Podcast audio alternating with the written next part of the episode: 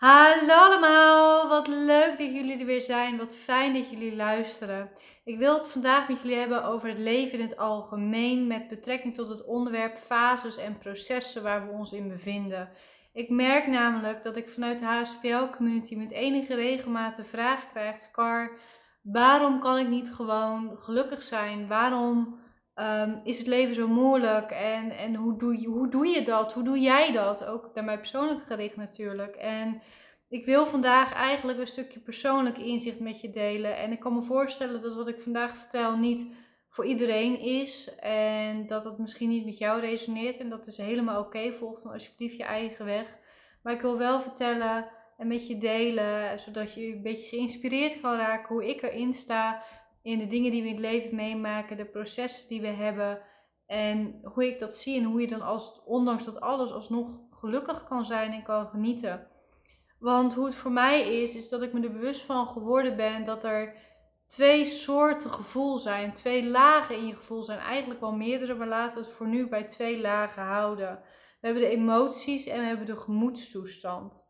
En de emoties reageren op de dingen die gebeuren. Dus die reageren erop dat je vandaag ruzie hebt gehad met je collega. Die reageren erop dat je partner vandaag thuis komt en op de bank gaat zitten zonder je te erkennen. En, en je even de aandacht te geven omdat hij een zware werkdag heeft gehad. Je emoties reageren op je kinderen die vandaag weer opstandig zijn en dat je gewoon niet de energie hebt om ermee te dealen. Je emoties reageren op je moeder die belt en die voelen weer die gevoelens van vroeger. En het gevoel hebben dat je, dat je er niet mag zijn, dat haar problemen belangrijker zijn. Maar emoties zijn ook de gevoelens die heel snel meegaan naar het positieve. Dus ehm, als je even lekker buiten zit, dat je helemaal kunt genieten. Of die, dat je ineens kunt lachen over een uh, verhaal die een vriendin vertelt op de telefoon. Die emoties reageren in het hier en nu, wat er in het hier en nu gebeurt. En natuurlijk is dat op basis van hoe je in het leven staat en of je nog onverwerkte emoties hebt. Want als je nog onverwerkte emoties hebt, ehm, dan kun je intenser en heftiger reageren op de dingen die gebeuren. Zeker wanneer je die onbewust en bewust linkt aan dingen die je in het verleden hebt meegemaakt. Zo werkt het zo met onverwerkte emoties. Dus als jij het inderdaad nooit verwerkt hebt, dat de problemen van je moeder thuis altijd belangrijker waren en dat jij daardoor geen tijd en ruimte had om te vertellen dat je op school gepest werd, en je hebt nog steeds het gevoel van ik mag die ruimte niet innemen. En je partner die onderbreekt je iedere keer als je wil vertellen hoe je dag is. Dan kan dat zo'n zeer doen dat je partner je onderbreekt. Omdat je daarmee teruggetrokken wordt naar het gevoel van... Hé, hey, de problemen van mijn moeder zijn altijd belangrijker. En ik mag mijn problemen niet vertellen. En nu mag ik weer bij mijn partner mijn problemen ook niet vertellen. Nu wordt het ook aan de kant geduwd. Nu word ik ook onderbroken, dus laat maar. En dat kunnen onverwerkte emoties dus ook doen. Die kunnen de emoties in het hier en nu beïnvloeden. En dat is die eerste gevoelslaag. En die wordt dus heel erg beïnvloed door het leven, door alles wat we meegemaakt hebben, dingen die we nog niet verwerkt hebben en alles wat er omheen gebeurt. Um, maar ik geloof er ook in dat we een tweede gevoelslaag hebben. En dat is vaak waar we eigenlijk naartoe mogen gaan als we meer mogen genieten in het leven. Want we kunnen niet helemaal 100% sturen wat er gebeurt. Al ben ik een ontzettende voorstander van de wet van aantrekkingskracht en het manifesteren in je leven wat je wilt. Is altijd de realiteit dat er dingetjes kunnen gebeuren. Zowel positief als negatief, waar we niet de invloed op uit hebben geoefend. Of die gebeuren voor anderen of door anderen. En dat is helemaal oké daar kunnen we niet per definitie altijd wat aan doen. We kunnen alleen maar voor onze emoties zorgen en keuzes maken op basis van wat we nu weten en wat goed voor ons lijkt te zijn en goed voor het grotere geheel lijkt te zijn. Maar daaronder hebben we dus nog een gevoelslaag. En laat, dit noem ik meestal de gemoedstoestand. En dat mag jij natuurlijk anders noemen. En voor mij is dat dat je gelukkig kunt zijn en kunt genieten en tevreden en content kunt zijn en voldoening content kunt zijn en voldoening kunt voelen in het leven. Zelfs wanneer je emotioneel alle kanten op schiet. Wat betekent dit nu voor mij? Nou, als ik even naar mijn privé kijk, zeker naar vorig jaar kijk. Vorig jaar hebben we te maken gehad met een aantal mensen aan, aan uh, kant, zeg maar, of in Joris'se leven, dus in het leven, het leven van mijn vriend, ehm, die niet leuk waren. Uh, er heeft ook heel veel gespeeld met geld, heel veel gespeeld met, met uh, mensen die niet de opdrachten betaalden, um, mensen die geld wilden terwijl ze daar geen recht op hadden. Um, allemaal in dat soort aard. En dat is natuurlijk helemaal niet leuk geweest. En daarin heb ik heel veel dagen gehad waarin ik me wanhopig voelde. Maar wanhopig is niet het goede woord eigenlijk. Moedeloos voelde. Uh, niet het gevoel had van dat het nog goed kwam. Natuurlijk wist ik het intuïtief wel. Maar je emoties kunnen je een echt gevoel geven van het komt niet meer goed.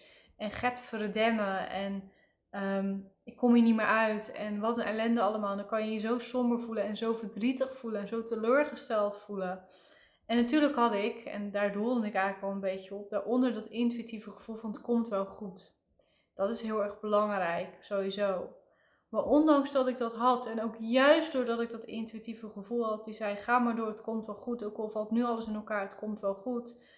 Had ik daaronder, en letterlijk daaronder, dus dieper in jezelf, het gevoel dat alles wel oké was. Dat ook al raakten we alles kwijt, we overleven het wel. En het besef dat er ondanks deze ellende die er was, zoveel mooie dingen waren om dankbaar voor te zijn, om van te genieten. We hebben een schitterend, schitterend appartement op een waanzinnige plek in Rotterdam. En het is gewoon bizar dat wij dat hebben kunnen, kunnen betalen toen de tijd als twee ondernemers bij elkaar. Want dat komt eigenlijk niet voor dat je als twee ondernemers bij elkaar gewoon een, een hypotheek kan krijgen en alles erop en aan kan regelen. En zeker niet op deze plek. En het is gewoon bizar dat we een hele goede relatie hebben en samen echt over alles kunnen praten. En het is heerlijk dat we huisdieren hebben die ons altijd aan het lachen maken. En dat ik ouders heb die, ondanks hun eigen foutjes en onhandigheden, wel ontiegelijk veel van me houden. Ook al kan ik ze af en toe schieten met hun gedrag. De liefde is er wel. En zo waren er nog zoveel meer dingen dat we toch elk weekend naar het bos toe gingen. En ik bedacht altijd van ja, we kunnen nu geldproblemen hebben. Maar ik kan nog steeds tanken en ik kan nog steeds lekker naar het bos uh, rijden. Waar ik zo meteen het centrum op de Veluwe wil hebben. En ik kan nog steeds genieten van de natuur en alles. Ik kan nog steeds naar buiten gaan. Ik ben nog steeds gezond. En er gebeuren zoveel mooie dingen. Ik heb zoveel mooie gesprekken op een dag.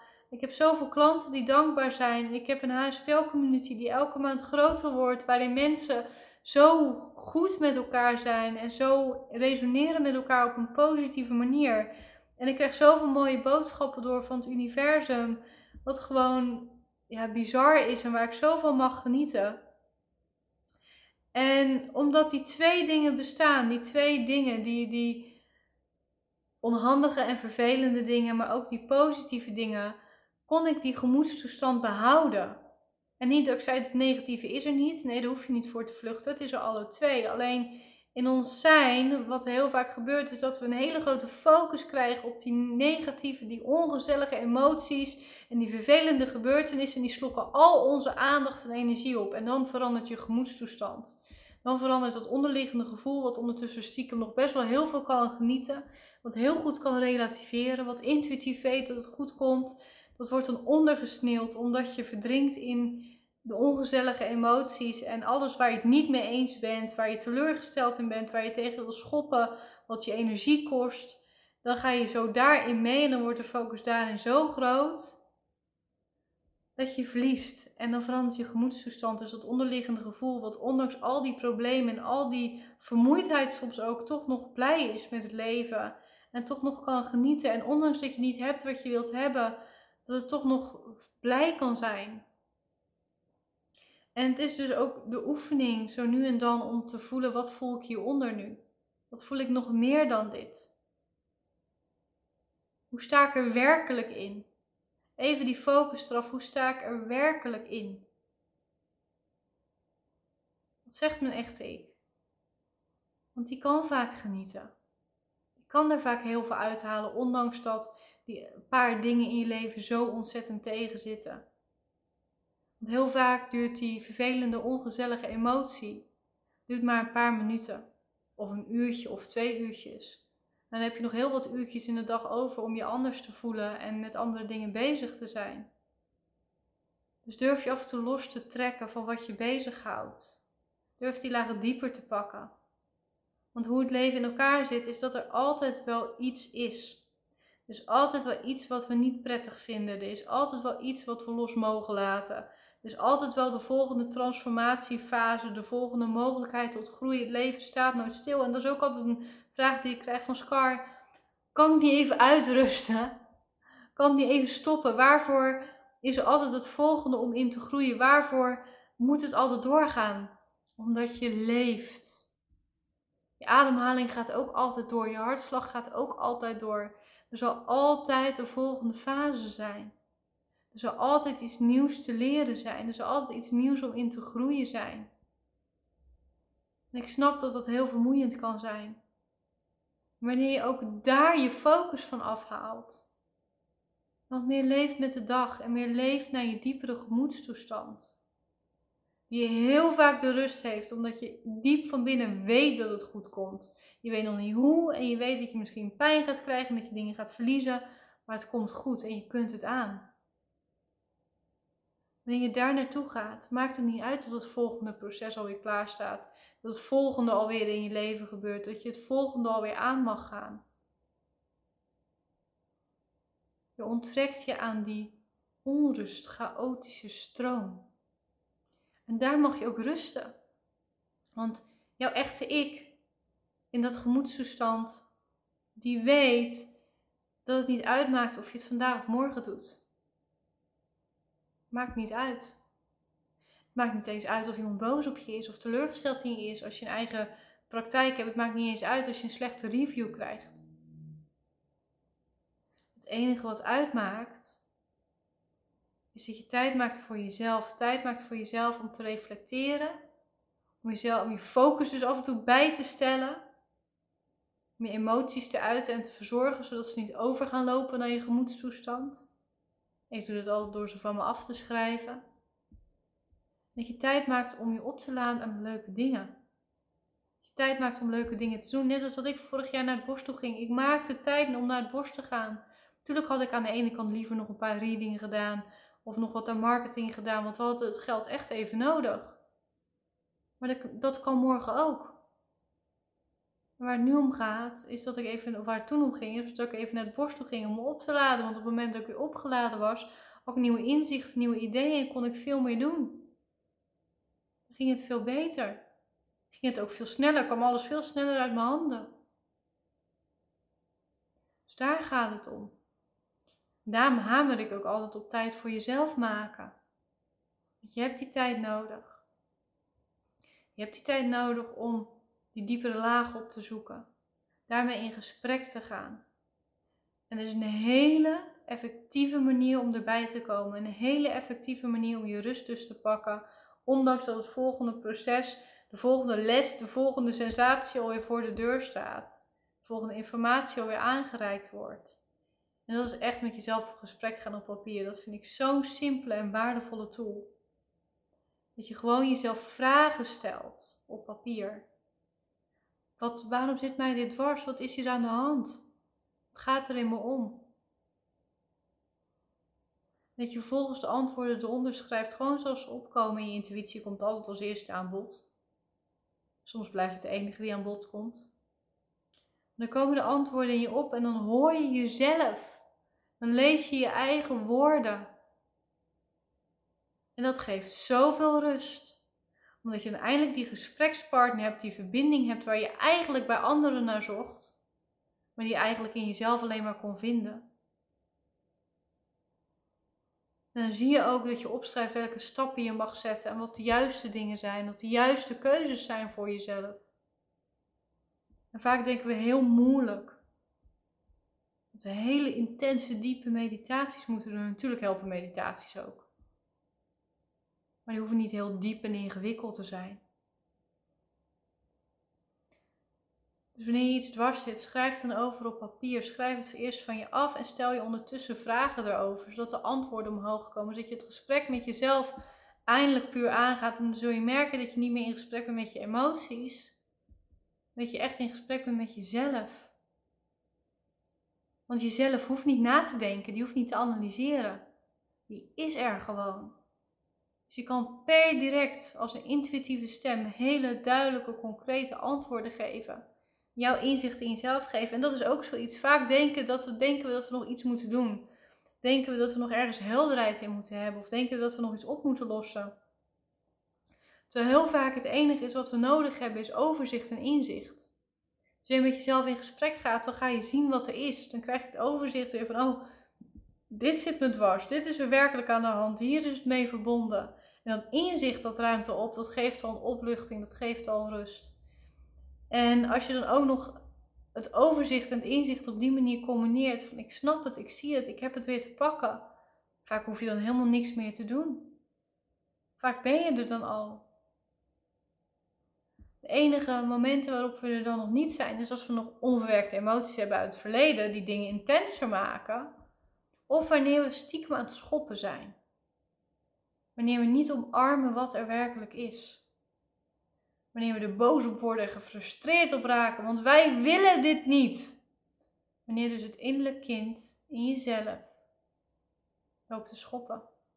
Maar het innerlijk kind loopt te schoppen omdat het jouw aandacht wil, niet op de situatie, die wil jouw aandacht. Dus je merkt dat je zo in de weerstand gaat staan. Is het helemaal tijd om jezelf liefde te geven? Is het tijd om jezelf te omarmen en gerust te stellen? Als je innerlijk kind die aandacht vraagt, die kwetsbare kant. Het gaat over jou, niet over de situatie.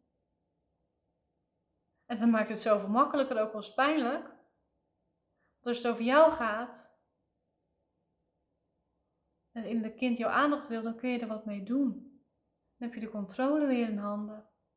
Dan kun jij er weer voor zorgen dat je je beter voelt. That's it. Ik snap dat het veel lijkt. En ik snap dat het leven soms veel is. Ik snap dat je af en toe niet weet waar je moet beginnen. Dat je even niet weet hoe je jezelf mag of moet herpakken in deze situatie. En het volgende wat er alweer aankomt en het andere wat net geweest is. Ik snap het. Wanneer jij even je aandacht, je focus loskoppelt terug met jezelf in gesprek gaat. Terug naar die gemoedstoestand gaat, waar een dankbaarheidsdagboekje dus ook zo waardevol voor is. Dan zul je merken dat het meevalt. Dan zul je merken dat je veel sterker bent. Maar dat je vooral even iets nodig hebt om weer op te laden. That's it. En daarmee ga ik hem ook afronden voor nu. En wens ik jou voor nu een hele fijne dag en een hele fijne week toe.